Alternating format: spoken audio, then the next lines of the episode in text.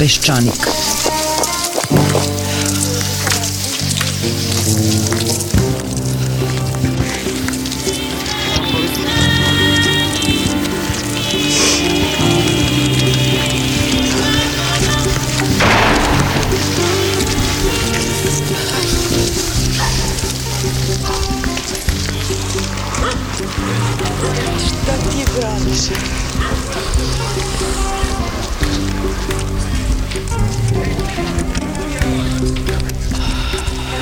Peščanik.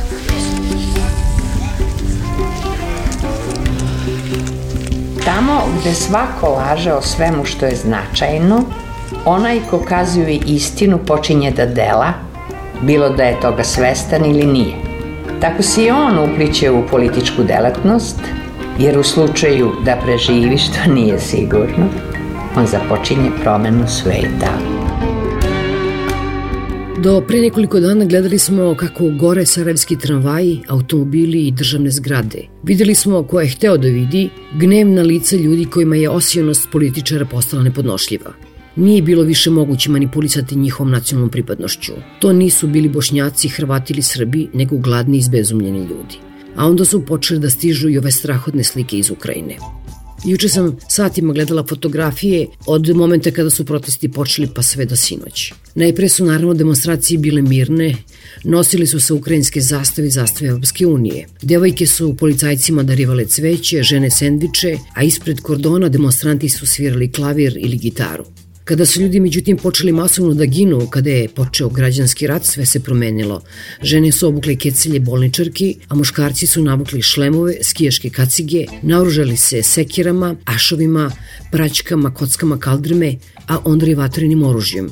I sada je svaki susred policajaca i demonstranata borba na život i smrt. I na sve te slike, kao i u slučaju Bosne, Vučić u izjavi za CNN kaže da se u Srbiji to ne može desiti je u njoj, njegovoj Srbiji, vlada politička stabilnost. Uznemiravajuće je saznanje da zemljom gospodari čovek koji ne shvata da se ljudi ne dele samo na glasače jedne ili druge stranke, na evroskeptike ili evroentuzijaste, Srbe i Bošnjake, Ukrajince i Ruse, nego na gladne i na site ljude, na one koji su zadržali i na one koji su izgubili elementarno ljudsko dostojanstvo. Teško je razgovarati o bilo čemu, a nemati u glavi slike iz Sarajeva ili Kijeva, a još teže komentarisati bilo šta od ove gomile besmislenih, lažljivih i primitivnih predizbornih obećanja kojima nas zasipaju ljudi koji sa stvarnim životom nemaju više ni zaobilazne veze. Na početku današnjih pečanika slušate Dimitrija Boarova. Može se reći da je ova godina opet iz ovog razloga izgubljena Prošle godine je izgubljena iz nekog drugog razloga, pretprošle godine je izgubljena opet zbog izbora i tako dalje. Uvijek se nađe neki veliki politički razlog zbog koga se stvari odlažu. S druge strane, teoretski naravno, a ja u to ne vjerujem, bi trebalo da se konstituiše neka relativno stabilna vlast i onda da vidimo da li je Srbija doista svesna svojih problema s tim što meni se čini da stvari ne idu dobro već sada u pogledu tih budućih reformi jer imamo osjećaj da se ne mogu izvesti ekonomske reforme bez ozbiljnih reformi političkog sistema i države. A Izbori nisu raspisani sa najavom tih promjena, nego sa najavom promjene vodeće stranke. Ako u ovakvom političkom sistemu dođe do stabilizacije vlasti jedne pretežne stranke, ona neće biti motivisana da reformiše politički sistem, izborni sistem, da reformiše teritorijalnu organizaciju vlasti. Pitanje je kako može i da li ona hoće da izmeni ustav koji je na izvjestan način kočnica tih političkih reformi ponovo idemo u sličnu zabludu da se restrukturacijom privrede, promjenama u ekonomskoj politici, u domenu javne potrošnje i tako dalje, može stvoriti dobar poslovni ambijent za neophodno ubrzanje privrednog rasta, što bi nas vodilo ka smanjenju apsolutno nepodnošljivo visoke stope nezaposlenosti i tako dalje. Jer Politički sistem stalno generiše glavnu kočnicu privrednog rasta Srbije, to jest dominaciju interesa političke elite nad interesima preduzetnika i radnika. U vreme kada je osovina vladajuće koalicije bila demokratska stranka, također se o tome nije ništa govorilo. Ni ona sama nije bila spremna da izvrši taj salto mortale, da razvoji novac i političko odlučivanje, što je i stalno održavalo Srbiju u stanju krize.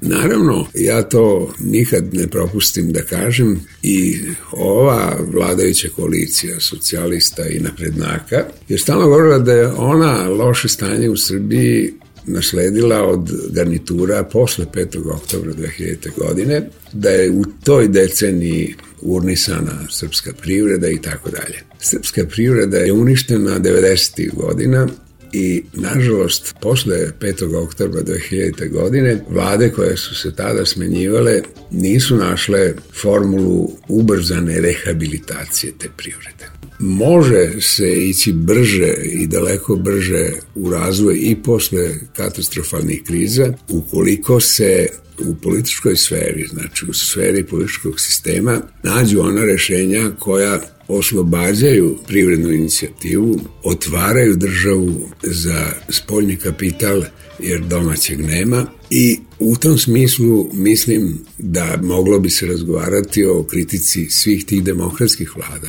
I u tom smislu bi moglo se očekivati da neki Štroskan, na primjer, jer u ekipi naprednjaka ja ne vidim mnogo ekonomista a pogotovo ne vidim neke ekonomiste sklone nekim radikalnim reformama. Oni koji su tu pokazivali neku sklonost u toj ekipi, ti su već marginalizovani ili su dali ostavke, napustili, mislim na Radulovića.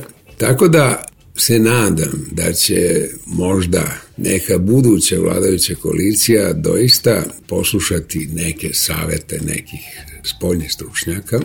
E sad, dolazi se naravno do ključnog pitanja koje i kakve reforme i tu vlada jedna opšta konfuzija. Vi ne možete da identifikujete zapravo ideološki narativ u vezi ekonomskih reformi, gotovo ni kod jedne stranke. Ali tu je upadljivo, na primjer, iskače demokratska stranka kao opozicijna stranka, koja je pod Đilasom palicom, verovatno, iz najboljih namera i sa željom da se vrati nekoj socijaldemokratskoj osnovi. On je napravio jedan ekstremno socijaldemokratski program u kome bez države se ništa ne može učiniti i sada umjesto da se država povlači iz nekih sektora, on se zalaže da država se u ekonomskom delu više aktivira, da reguliše tokove novca, da natera banke da daju preduzećima povoljnije kredite da državna poljoprivredna dobra se vrate u igru. Tako da sad imate jedan paradoks da liberalne programe više zagovaraju stranke do koje su dojuče smatrane desničarskim. Naravno, ova vodeća stranka naprednjačka, koliko sam čuo, oni su napravili neki ekonomski program, ali vidim da ne izlaze s njim. Što se prosječne neto zarade tiče u 2013. godini, znači čiste zarade bez poreza i doprinosa, prosječna je bila nešto manja od 44.000 dinara, znači oko 400 evra. Ta prosječna zarada je bila oko 6,2% nominalno veća, a i s obzirom na inflaciju realno bila 1,5% manja. I zanimljivo je da je Republički statistički zavod dao opasku da je to prva godina u posljednjih 13 godina kada dolazi do realnog pada vrednosti zarada. To je vrlo dramatičan podatak koji verovatno pojačava osjećaj beznadja i siromaštva u Srbiji. Najgore što se dešava za Srbiju, to je taj relativno vrlo nizak priliv e, stranih direktnih investicija. One su e, za 11 meseci bile prošle godine nešto oko 640 miliona evra. U 2012. godine je bilo još gore. Međutim, kada kumulirate dve godine bez stranih investicija, onda je naravno nema para. I ono što je mene čak e, šokiralo, odjedan put imate veoma, veoma drastičan pad prihoda od privatizacije, iako je privatizacija kao proces praktički stala već negde pre dve i po godine. U celoj 2013. godini bilo je samo oko 15 miliona evra prihoda od privatizacije, a ne treba zaboraviti da recimo 2004. godine bilo milijardu i po. A ovo je 15 milijuna eura, toliko koštaju plate u agenciji za privatizaciju i u raznim tim drugim institucijama koje su izgrađene na procesu privatizacije. Ali šta je to zanimljivo? Nije problem u tome što više nema preduzeća za privatizaciju. Jer u krajnjoj liniji svaka treća privatizacija od oko 2500 privatizacija, svaka treća je poništena. I sad vi kad saberete ta preduzeća kod kojih je prva privatizacija poništena, ona jesu devastirana. I plus ovih 150 famoznih e, preduzeća u restrukturiranju. Vi vidite da nema više privatizacije, a to znači dve stvari. Prvo, pošto domaći investitori se niti su se pokazali kao solventni i likvidni, niti su ispunjavali svoje obaveze, i u tom smislu je ta privatizacija u velikoj meri doista bila hoštaplarska kad su nastupali domaći ulagači. Ali druga stvar je bitnija, nema dovoljno interesa stranih investitora za Srbiju. I to je opasno. S jedne strane, to je posljedica činjenica da su uspešna preduzeća već prodata, ali čim u nekoj državi niko nema interes da investira, onda nešto nije u redu sa politikom privlačenja stranih investicija, znači nije Dinkićeva politika subvencionisanja zapošljavanja, nije dala rezultat. Privredni ambijent očigledno nije reformisan u onom pravcu koji su zahtevali strani investitori. Treće, i sam proces e, približavanja Srbije Evropskoj uniji i briselski sporazum još ne daju nikakav rezultat i u tom kontekstu se čak može govoriti da stalna politička histerija u Srbiji zapravo odbija strane investitore sama po sebi i da u tom smislu dok se Srbija ne stabilizuje na neki način i to da se stabilizuje na tom europskom putu, priliva stranih investicija neće biti, sem ovih ad hoc, gde se može pronaći poneki šejk sa parama koji je spreman da se kocka sa ovim milionim projektom, ali to ne rešava problem Srbije, jer taj dotok stranih investicija, s obzirom na vrlo nisku razvijenost Srbije, mora da se postigne da on bude kontinuiran. Prema tome, da ne dužim, opet smo i ovdje došli do političke spremnosti da se i zakonska rješenja koja tu i tamo postoje doista sprovedu u život i da se država opredeli za jedan model i ekonomske politike na nešto duži rok. Problem je do sada nije bio u tome što se navodno sprovodio neoliberalni koncept, to je već više puta rečeno, nego što je to bio jedan model nedovoljno prepoznatljiv. Nema neoliberalnog koncepta u državi gdje je 50% kapitala pod direktnom kontrolom države, a još 25% pod indirektnom. Tu onda smešno je govoriti o neoliberalnom konceptu. Ja se bojim da na planu te famozne borbe protiv korupcije, da kako se zapravo zove borba protiv nekakvog privrednog kriminala. E, ja smatram da se taj problem mora lečiti pre svega promenom regulative i povlačenjem države iz niza operacija. Jer kad pogledate sve velike slučaje, Azotara, u Pančevu, Galenika, Dunav osiguranje, Agrobanka, ti najveći skandali, svuda tu možete naići na neke političke uticaje, na vezu sa državom, na neke privilegije koje je davala država određenim firmama, špekulantima i tako dalje. A ne da je jedan e, preduzetnik prevario drugog. Ima i toga, naravno. Glavni problem i najkrupnije afere se, nažalost, pojavljuju u toj relaciji država privredni subjekti a s druge strane, ono što je naročito opasno je to što država uvijek nađe izgovor da pokrije deo, da socijalizuje deo tih pljački. To se naročito vidi kod ovih banaka. Recimo, ja ne znam, to je skandalozna odluka da, na primjer, u jednoj banci koju likvidirate, isplaćujete i štedne uloge veće od 50.000 evra, a sada u ovoj posljednjoj ne isplaćujete, što je po zakonu. A ono ranije, ja ne znam na osnovu kog propisa su isplaćivani ti veliki. Jer oni koji imaju više od 50.000 pa štede u nekim takvim sumnjivim bankama, uvijek treba vidjeti zašto. Zašto je neko izabrao baš tu banku da štedi više od 50.000 eura. Ili su to bili uslovi za kredite, ili su to bili neki verižni poslovi druge vrste.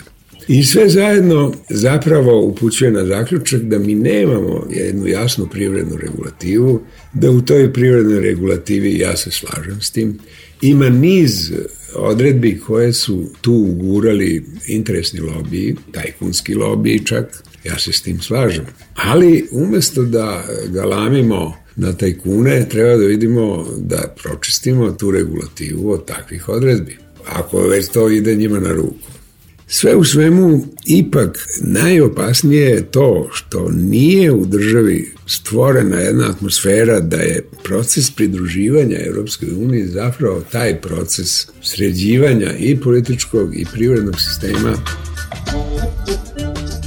ovako gotovo privatno da vam kažem ja sam želio neke promjene znači nema ništa specijalno protiv socijalista na primjer ali mislim da ukoliko se tako sklope karte, naročito pod spoljnim pritiskom, tu ciljam na ruski pritisak, ili na, znate, to niko ne govori za sad, da ukoliko Vučić juri socijalisti iz republičke vlade, možemo mu se dogoditi da u Beogradu socijalisti promenu stranu i sa svojim relativno jakim kandidatom Mantićem, koji se nije bacio kamenom na Đilasa još nijednom, koliko sam ja pratio, i neku osvetničku koaliciju. Pa sad, po tom ucenom da ako nas izbacite iz republičke vlasti, onda mi uzimamo Beograd sa Đilasom, na primjer. Ili u nekom, pod nekim pritiskom međunarodnih faktora, ovih ili onih, jer ne vjerujem da je Dačić baš samo čisto turizma radi išao na dana u Ameriku pred izbore i došao relativno dobro raspoložen. Ukoliko ostane ta osovina naprednjaci, socijalisti sa tom promenom da je Vučić sada i formalno glavni, onda smo džabe krećili, mislim. Pretpostavljam da onda opet idemo ka nekoj budućoj novoj histeriji da se zabašuri to što se država ne menja i što nema napretka. Prema tome ja sam pristalica da se napravi neka nova koalicija u republičkoj vladi i čak slažem se s tim da u krajnjoj liniji treba da vidimo kakve reforme doista planira Vučić. Ovo što on govori da ćemo reformisati ove one sektore, to svako može da potpiše. Ali to su opšte mesta. On se ne obavezuje gotovo nigde. Već e, niz indikatora postoji da on zapravo ni sam nema u glavi neke ozbiljne reforme. Recimo, čim kaže penzioneri će biti zaštićeni, to znači da 25% budžeta će narednih godina ići u pravcu penzija. Da li se naravno može uopšte ići niže sa današnjim penzijama, to je isto veliko pitanje. Ali tu, ajde da i to kažem, pošto sam penzioner, ja smatram da u pregovorima sa Europskom unijom se mora insistirati da se dobije neka ozbiljnija podrška za taj veliki kontingent ljudi koji su stvarno na, na donjoj granici prihoda za golu egzistenciju. Prema tome neću da zameram ništa unapred, ali pretpostavljam da će izostati taj alibi svake vlasti, pa ne možemo mi sa ovakvom koalicijom da pravimo reforme. Uostalom, nominalno je prvi razlog zašto se ide na izbore da napredna stranka može da izvrši reforme. Međutim, moramo da se suočimo i sa tim da vidimo gde su koreni te vladavine politike nad privredom. Jedan je sigurno da se mora prodavati državni kapital i nastaviti privatizacija, jer zašto je sada jednostavnije uništiti srednju klasu sa solidarnim porezom i prihodovati 100 milijuna eura umjesto prodati Telekom za 2,5 milijarda, na primjer, ili 3. Zašto je to bolje? Da bi u Telekomu stranački aktivisti dobijeli posao ili da bi se štampa koja navija za vlast mogla financirati oglasima Telekoma ili mogu bi nam još 50 drugih stvari. Ali da bi se taj državni kapital smanjio, znači da s 50% siđemo na nekih 25-30%, ajde, toliko ima i Francuska, mora da se stvori takav privredni ambijent da neko tu dođe i nešto kupi. Ponavljam, bez takvog jednog e, kursa u kome bi se prvo materijalna osnova te vladavine politike nad privredom smanjila, znači državni kapital, a drugo da vidimo i da se racionalizuje ta skalamerija upravljanja državnim kapitalom gde po raznim tim nadzornim odborima, upravnim odborima i tako dalje sede politički aktivisti i ajde što sede, nego zapravo oni daju carte blanche menadžerskoj upravi koja je prinuđena sluša političke direktive. I mislim da tu treba se fokusirati te reforme, ali to je problem i naprednjaci nisu sve zaposlili svoje važne ljude i pretpostavljam da će bitka oko tih reformi prvo se voditi unutar napredne stranke, jer ja nisam pristalica teze da je Vučić tu toliko prevagu odneo da ga više ništa ne može zaustaviti, bez obzira što me mnogi uveravaju da je ta stvar završena. A ovo što se, na primjer, sad događa u Bosni i Hercegovini, to bi naši političari, a pre svega Vučić i njegova ekipa, morali dobro da prouče. Jer meni je bila smešna ta izjava da to nije moguće u Srbiji. Vi možete da preko medija stišate te vesti o raznim blokiranim pruga, put i šta ja znam. Pa onda ispada da je stabilnija Srbija od Bosne. Međutim, ukoliko to nezadovoljstvo ljudi i strah ljudi od reformi i od propasti, našto kad to traje godinama, onda u jednom trenutku ljudi pobesne i bilo organizacije, ne bilo organizacije, to se javlja kao socijalni bunt. Jer u recimo proteklih desetak godina imali ste razne štrajkove, demonstracije i tako dalje, međutim kad razgranete vidite 80% tih štrajkova to su bile državne firme koje su tražile da budžet tu namiri njihove troškove i njihove potrebe ili interesni lobi seljački, malinarski, oružari, famozni i tako dalje. I sad da imate te oružare, samo da napravim digresiju, koji su stalno dotirani, stalno im se odobravaju garancije za kredite i tako dalje, a sad se vidio da imaju prosječne plate preko 80.000. Onda vidite da to je jedna interesna grupa koja vrlo lako animira medije i oružari, štrajkuju oružari, ovo oružari ono.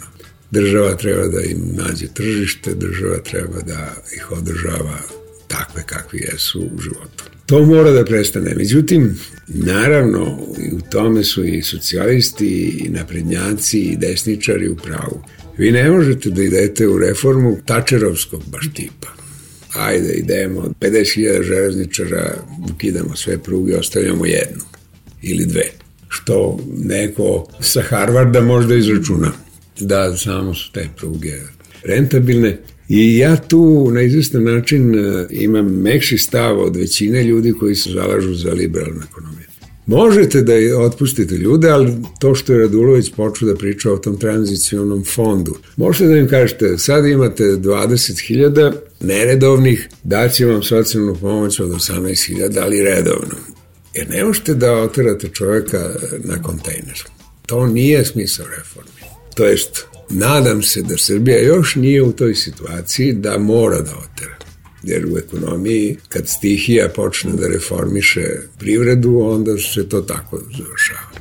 Prema tome, vremena za gubljanje naravno više nema, to jest ni jučega nije bilo, ali taj konvejer ka Evropskoj uniji, pregovori sa Međunarodnim monetarnim fondom, ali pregovori i ne možete Kasti Međunarodni monetarni fond je babaroga, a imate pregovorače koji nisu u stanju da se nagode s tim fondom, da objasne sve okolnosti, da izvrše pritisak i u krajnjoj liniji nemate unutrašnju politiku i spoljnu politiku takvu da ste od interesa međunarodnoj zajednici da vas ne dovede u somalijsku situaciju. Strašno je važna i ta spoljna politika koju ja sad ne znam kakva je više, jer e, protekle dve godine ministar spoljni, on ne znam ni s čim se bavio, nije postojao, a Vučić i Dačić su trčali svaki za sebe u određene svetske centre i u krajnjoj liniji vi ne možete da se ponašate, ja sam o tome pisao, kao pregovarač sa Europskom unijom, a da istovremeno idete kod Mugabea da mu nudite povećanje prirodne saradnje, a Mugabe pod ekonomskim sankcijama. Znači i ta naša spoljna politika mora jednom da se opredeli za europsku politiku.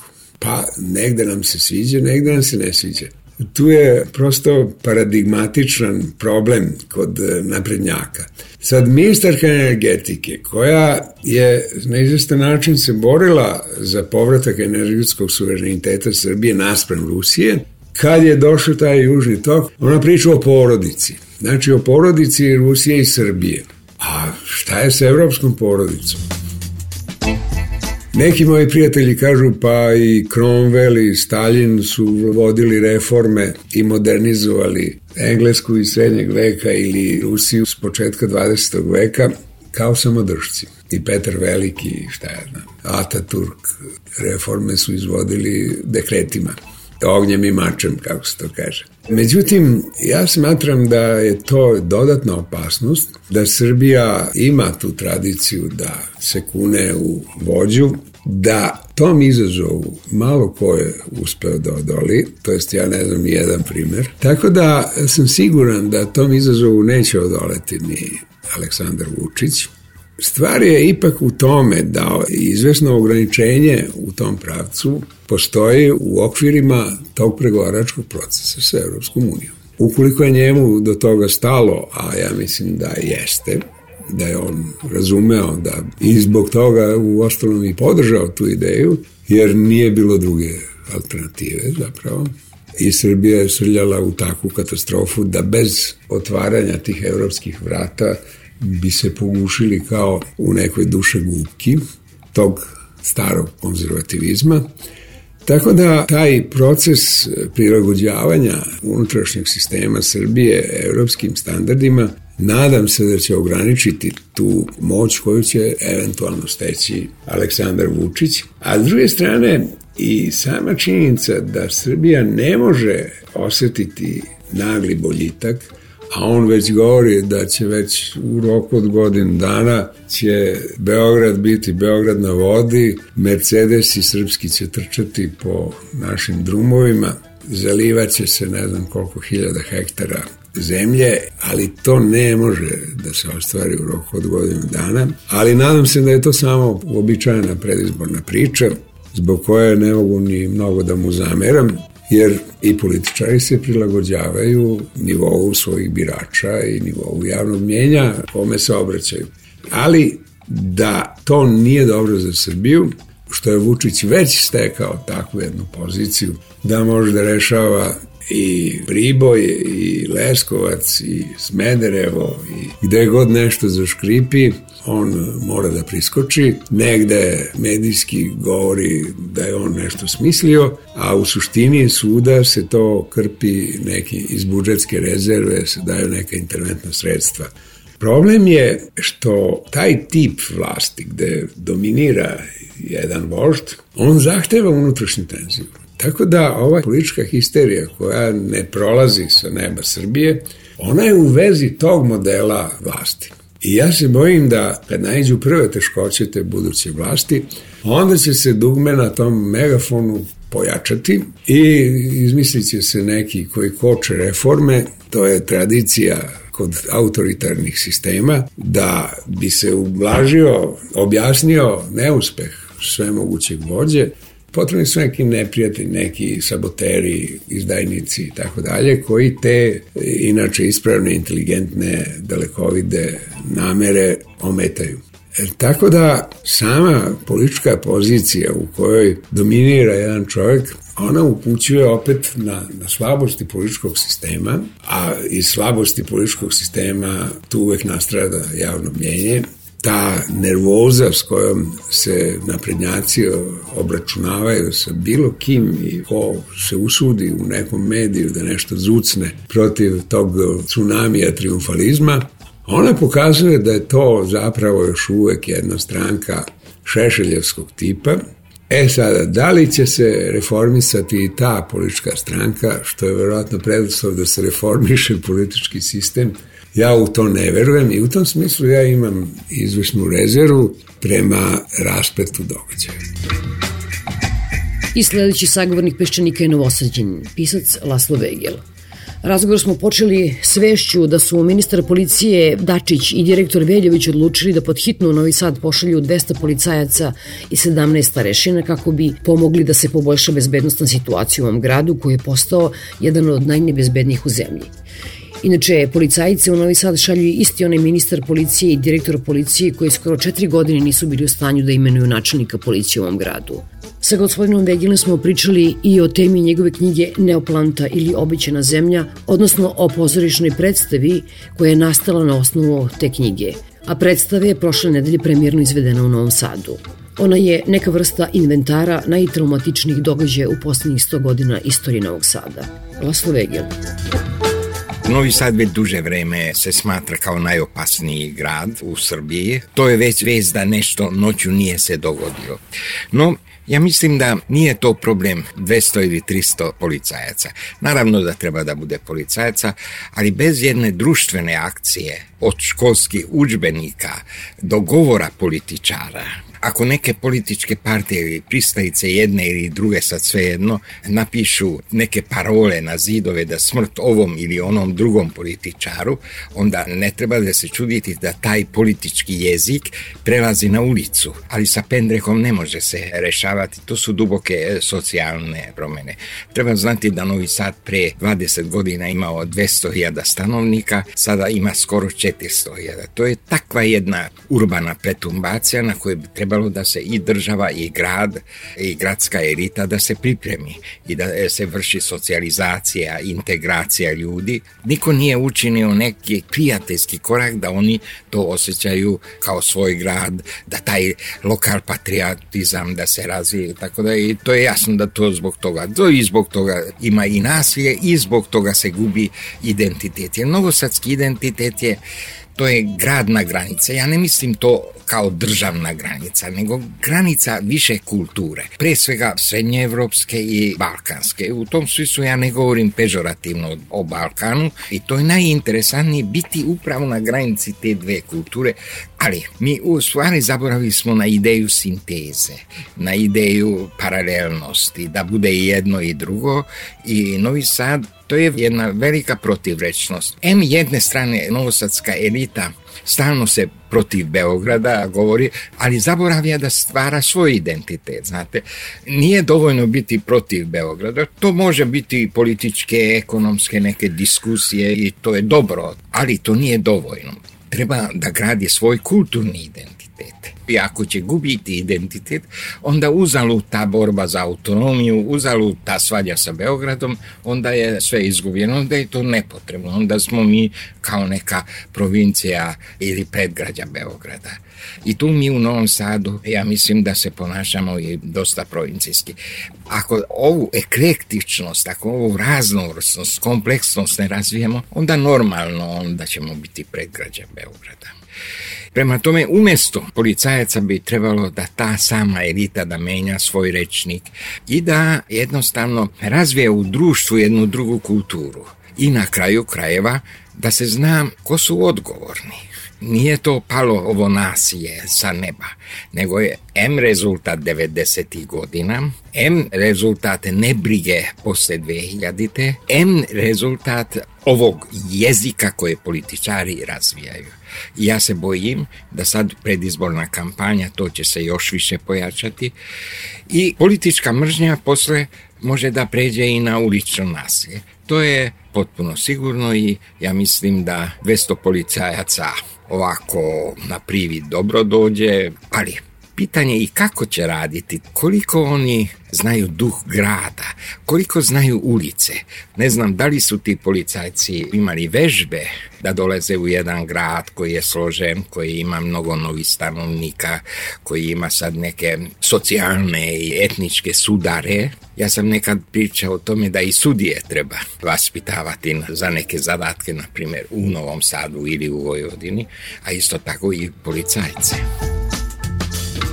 Ja sam bio jako blizak e, Aleksandrišom. On je preveo moj prvi roman. On je govorio o tome da memoari jednog makroa, prvi urbani roman, on jeste mnogo pisao o traumama Novog Sada, ali na kraju svog života je pisao i da treba to nastaviti, da treba govoriti šta se tu desilo 1944. i 1945. Nemojmo zaboraviti da su tu u velikom broju živeli Nemci, bila je retorzija protiv Mađara i Nemaca i tako da je. To su duboke traume i i naravno da je bilo i druge hladne dane. I u toku tih 100 godine menjali su se vlasti, menjali su se elite, Uvijek su počinje iznova. I naravno to ne ide bez drame i veliki potresa. O tim stvarima niko nije hteo da govori, sem tišme. I ja sam sad mislio da treba to sve i nastaviti i preispitati naše sudbine. Naravno, to ipak govori i roman, a i predstava o ljudskim sudbinama. To je ta sudbina grada ili ja bi to da parafriziram tično upotreba grada. On je govori o upotrebi čovjeka, a u ovom slučaju se radi o upotrebi grada. Kako grad stalno ruiniran, stalno mora iznova, stalno mora da zaborave jedan deo svoje prošlosti. To simbolično govori kako su se menjali ulice, kako su se menjali institucije. Pa jedna institucija kao, na primjer, jedna poslastičarnica. Znate, ima u centru centru grada postoji jedna koju koji još 1912. godine jedan čovjek osnivao, on je došao iz Slovačke i zvao se ta Don štetner. On je teo jednu kao jednu bečku kafanu da stvori i stvorio. Između dva rata to je cvetalo. E, onda, poslije prvog svjetskog rata, i to je tipično novozatska priča, onda su se seli gradski očevi i onda su rekli da ne može to da bude više domšteter to je neki kapitalist. Inače, to je za Vojvodinu je karakteristično. Nisu ni znali da li je jevrejin, da li je nemac i ovako, ali je buržuj. I onda su imenovali da bude Moskva. I to je bila Moskva sve do raskida sa informirom. Onda su se setili ne može to biti Moskva, pa to je, imamo mi bliže jedan bratski grad. I onda su nazvali Zagreb. I onda došao jer, etnički sukob u bivšoj Jugoslaviji, Hrvate su nazvali Ustašama i tako da i onda su rekli ne može to da bude više Zagreb, nego to treba da bude Atina i da se piše sa Ćirilicom. I sada je to Atina. Ali ta priča da se stalno treba izmeniti nešto od ulice, to je jako opasno je onda dođe ta mesijanska ideja da treba i čovjeka izmeniti iz korena. Ako nije sposoban ili ako ne želi da se menja, onda treba likvidirati to sad likvidacija može biti u fizičkom smislu, ali može biti i u duhovnom smislu, stavljati na marginu, ne dati reč, ne dati slobodu i tako dalje. I ta priča je tipično novosadska koja nikad nije imala hrabrosti. Ta priča baš dokazuje da se suoči sa samim sobom i da stane sigurno na svoje noge. To je sad jedan velik problem zašto izbori. Ja bi shvatio apsolutno izbori kad bi u društvu bi se rađalo nove ideje. 90% partije slažu da idemo ka Europi. Sada oko Kosova, kako vidim u parlamentu, apsolutna saglasnost. U stvaru, mi imamo izboru u vremenu apsolutne saglasnosti. Više ne znam da pravim razliku između pozicije i opozicije možda delimično može opravdati te izbore, ali samo delimično da sama napredna stranka menjala svoj program e, od prošlih izbora. Oko pitanje Kosova nije najavila taj briselski sporazum i kako će da reši. I želi novu verifikaciju. To je moguće, ali ona ne kaže to, nego kaže reforme. Kakve reforme? Opšte ne diskutuju oko poreza. Porez pokazuje to je simbol, to je jedna metafora kakva će biti država, koliko će država zadržati se sebe, kako će se redistribucija vršiti. E, ali u porezu uopšte se ne diskutuje. Prema tome, ni ovo nije razlog za izbore. Tako da ja kao jedan nezavisni posmatrač koji živi možda malo na periferiji, mislim da su to izbore unutrašnje probleme političke elite. Ja ne vidim nikakve razlike i ovako izbunjeno slušam veoma oštre međusobne tonove.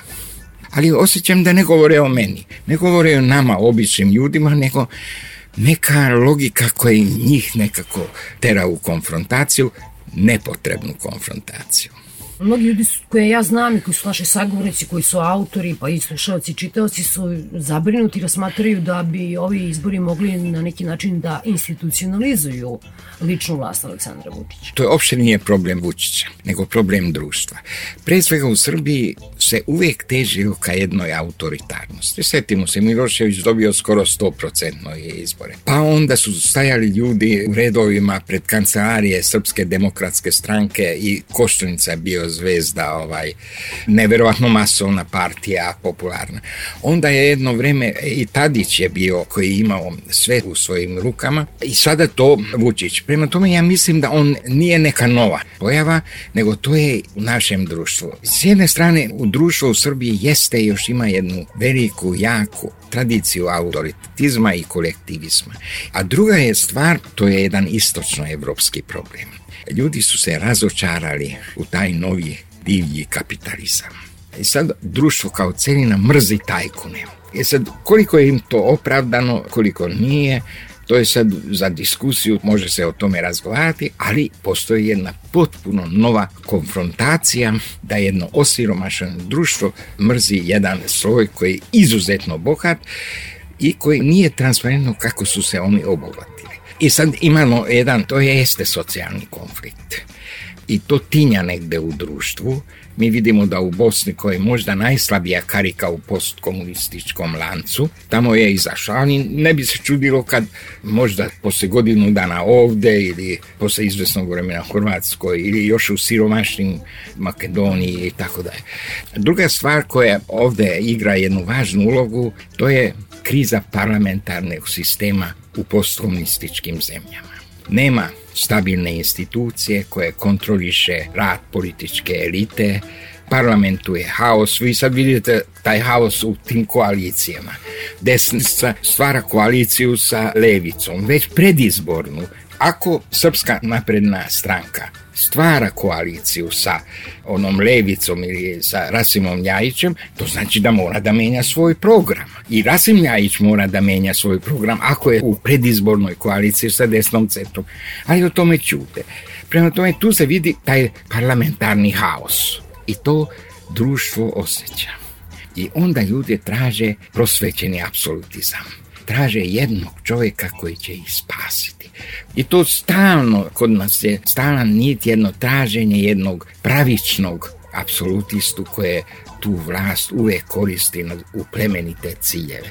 To liči na narodne bajke, znate, u narodnim bajkima ima taj pravičan kraj i to je zato što su ljudi izgubili iluzije u instituciju, u parlament i da se vratim na ono prvo, taj socijalni konflikt. Ja mislim da taj društveni rat, to više nije rat jednog političara, društveni rat protiv tajkuna, to je jedan san, jedna iluzija o egalitarizmu da će doći jedan čovjek koji će napraviti red i taj red sad sve više postaje obsesija. Sve veći broj ljudi kaže dobro, mi smo za slobodu, za slobodu govora, ali prvo da bude reda.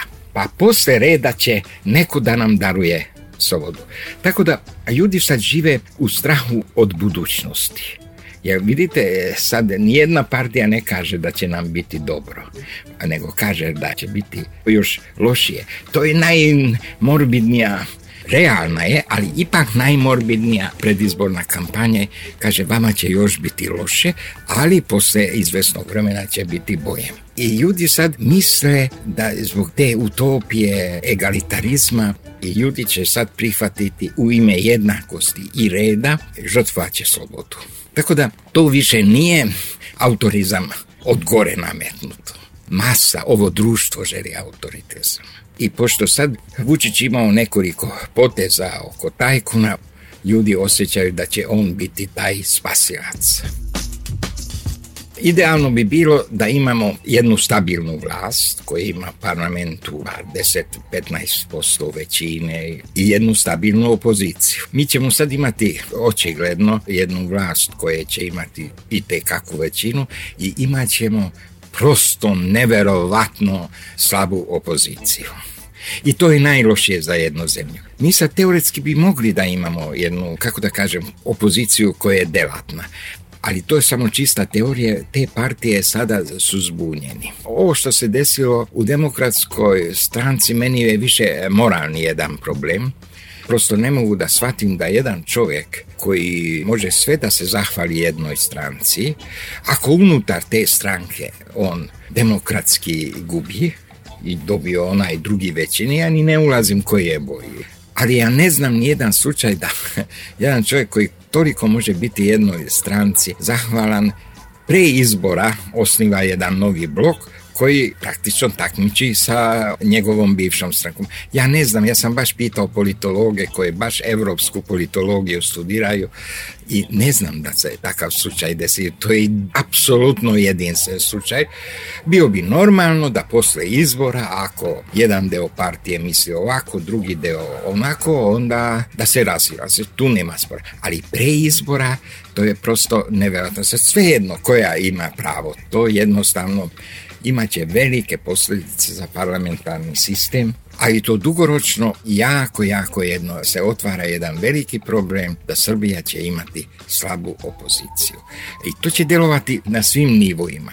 To će djelovati u ekonomiji, to će djelovati u kulturi, to će djelovati u štampi, da će se sve biti u jednom zamrznutom položaju. Upravo zbog toga mnogo ljudi koji su za vreme prethodnih izbora zagovarali beli glas smatraju da je ovo moment sada biti ili ne biti, da upravo zbog toga što ste vi govorili po svaku cenu treba izaći na izbore i jednostavno svojim glasom dati šansu demokratskoj stranci ili nekoj drugoj opozicijalnoj stranci da stane na noge, pre nego kasnije. Tu ima dosta jedne logike, jer zagovornici te teorije, oni ne govore više o jednoj ili o drugoj partiji, nego o par parlamentu, da u parlamentu bude jaka opozicija i ja to mogu da prihvatim i, i sem toga ja inače mislim da je to dobro ako što većem broju izlaze ljudi na izbore. Ali beli listići i oni imaju neko opravdanje. To je bila jedna poruka nezadovoljstvo sa političkom elitom. To je i u okolnim zemljama sve više. Što više sad već i na zapadu sve više se govori o krizi parlamentarizma pa i o krizi, ajdemo da ono što kaže zapadna levica koja nije kompromitovana kao u našim krajima, o krizi kapitalizma. Da li se može kapitalizam reformisati? To je tamo jedan veliki problem. Kod nas to nije problem, mi sad idemo ovako jako samouvjereno u taj liberalni kapitalizam i to idemo u kapitalizam, taj divlji kapitalizam bez levice. I opšte, mi nemamo snažnu ideju levice. Nažalost, nemamo ni konzervativnu desnicu, imamo mi taj nacionalnu desnicu koja sav svoj program koncentriše na nacionalno pitanje, a ne na konzervativizam, kako društvo da se napreduje korak po korak, oprezno, da ne pravi brze reforme, nego polagano, Mi takvu desnicu nemamo. Jer, u stvari mi imamo desnicu koja hoće revoluciju, stalno neku reformu, revoluciju, sve izmeniti. Tako da nemamo ni pravu desnicu. Ali danas je veći problem da mi nemamo levicu sa kompleksnim e, levim programom koje bi to socijalno nezadovoljstvo što sad sve više uzima maha i u Srbiji koje bi mogo kanalisati i, i stvarati od toga jednu političku snagu. Takvu levicu nemamo. Prema tome, beli su bili jedan dobar sezmograf Meni je samo žao da vlast demokratske stranke nije na vreme shvatio da moguće listiće i pre izbora još da posluša i one glasove svojih nezadovoljnika. A pošto nije saslušala demokratska stranka, glas svojih koji seizmografski unapred su javili pazite, bit će teško, izgubit ćete, ja to je poruka Beli listići onda je izgubila ta partija izbore. Prema tome, Beli Listići su kao kad čovjek ima temperaturu i pokazuje da imate 37,2. E, na vreme to niko nije poslušao i onda na kraju krajeva izgubili su i oni i izgubili su i oni koji su bili zagovornici Beli Listića. I jedni i drugi u istom su sad problemu i verovatno zbog toga neće to biti, ja inače mislim da treba da izađu što većem broju na izbore. Dolaze nam teška vremena. Svako mora da promisli. Ja ne navijam, niti želim neke ulaziti u te partijske svađe, ali zbog mirne savesti ovog društva trebalo bi da se izlazi u većem broju, u ovom slučaju bez Beli Savez vojvođanskih Mađara je, u stvari predsjednik te partije, sada javno se deklarišao da je spreman da ulazi u vlast. Mnogi su sad iznađeni, ja mislim za iznađeni nema mjesta. Ta ista partija uvijek je bila od 90. godina fleksibilna. U 90. godina ona je zajedno sa socijalistima na lokalnom nivou vršio vlast. I ona se i zbog toga raspala. Jedan deo je bio da se sarađuje, drugi nije. I onda socijalisti su sarađivali sa onim koji je za saradnju, to sam gospodin Šipovac, pokrajinski šef socijalista, rekao da je e, Savez Vojvođanskih Mađara i dovoljno fleksibilan i s njim treba sarađivati i tako ta partija se i osnažila i ona apsolutno dominira u ovom prostoru. Ima još 4-5 mađarskih stranaka, a oni nemaju neku veću težinu. E sad, i onda je došla 2000. godine, ta ista partija odmah prešao na stranu demokrata i bilo i na republičkom nivou vlasti ili samo na pokrajinskom, svejedno, ali sarađivala sa demokratima. I sad mnoge iznenađuje, a zašto sa naprednjacima? Ta fleksibilnost je permanentna, uvijek je uz vlasti. E sad, u Evropi ima teoretičara da kaže da manjinske stranke nemaju šta da traže, oni trebaju uvijek biti uz vlast, pa u tom pregovoru što veće prava za manjine da se izbore. I pazite, to je moguće jedan put samo pitanje kakve su te kompromise. Da li su tu kompromise za sve stanovnike, za sve članove manjine, oko raspodela novih radnih mesta i ta ravnopravnost u svakodnevnici. Da li je kompromis takav koji stiče celu manjinsku zajednicu? zajednicu ili samo elitu. Kod nas je ipak praksa da kad partije dobiju vlast onda podele izborne funkcije međusobno. Kod nas uvijek se radi ne samo u slučaju manjine, nego i u drugim koalicijama se prave kompromisu oko podele plena. I sad ako manjinska stranka isto takav će napraviti podelu plena, ni onda se ne treba čuditi zašto bi bili manjinski političari bolji nego većinski. Oni su istom su socijalnom ambijentu i ja se bojim da će se to desiti i sada, da će manjinske političari dobiti možda i značajniju funkciju nego što su imali do sad. Možda će biti u republičkoj vladi, možda ne ministri, nego državni sekretari i tako dalje. Imaće više predstavnike tu i tamo i to je to. Tako da, mnogi sad kao izgubili su iluziju u Savez Vojvodjanskih Mađara, ali to već u 90. godinama bi trebalo da izgubi. Nema tu ništa novo. Ona je, ta partija uvijek bila fleksibilna i naročito u tom delu Europe kod nas politika je još uvijek neki antimoralni biznis. Mi još nismo isplatili račune 90. godine. Srbija stvari onda zaostala kada drugi su učinili velike korake u obnove svoje privrede i privrednog mehanizma i mi smo u velikom kašnjenju, to je prvo. A onda sada i drugi imaju krize, mi samo sad u krizi smo u, sinkronu s njima. Mi istu krizu doživljavamo, ali nismo učinili taj uspon što je bilo u 90. godinama. I to je jedan ogroman račun. To je ogroman račun. Ja mislim da mi ćemo ovu deceniju u najboljem slučaju ovu deceniju ćemo doživjeti iz krize u krizu i cela decenija će biti veoma problematična, veoma teška. I sad već vidim a posljedice su strašne jer, na stručnjaci odlaze.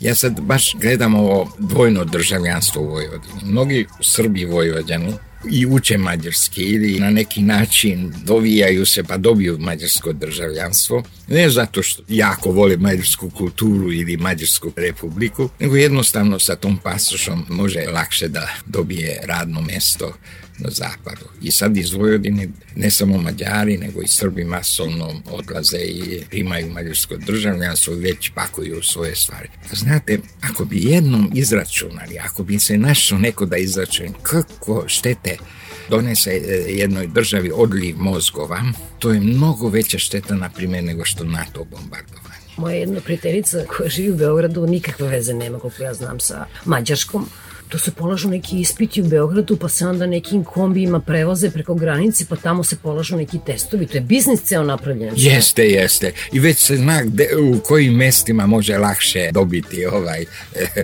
ja sam baš razgovarao sa jednom vozačem kombija i vozač kombija već zna gde, kako treba ići, koje mesta, gde se lakše može te testove položiti. Samo bitno da znaju bar na kuhinskom nivou da bi položili test sad u Novom Sadu to nikad nije bilo, ima više škole mađarskog jezika.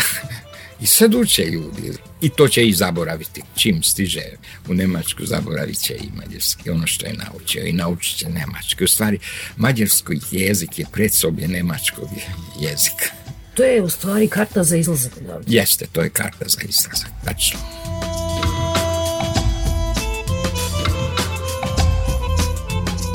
Bio je ovo još jedan peščanik. Slušali ste Dimitrija Borova i Laslo Vegela. Pozdravljam se Svetlana Vuković i Svetlana Lukić. Doviđenja.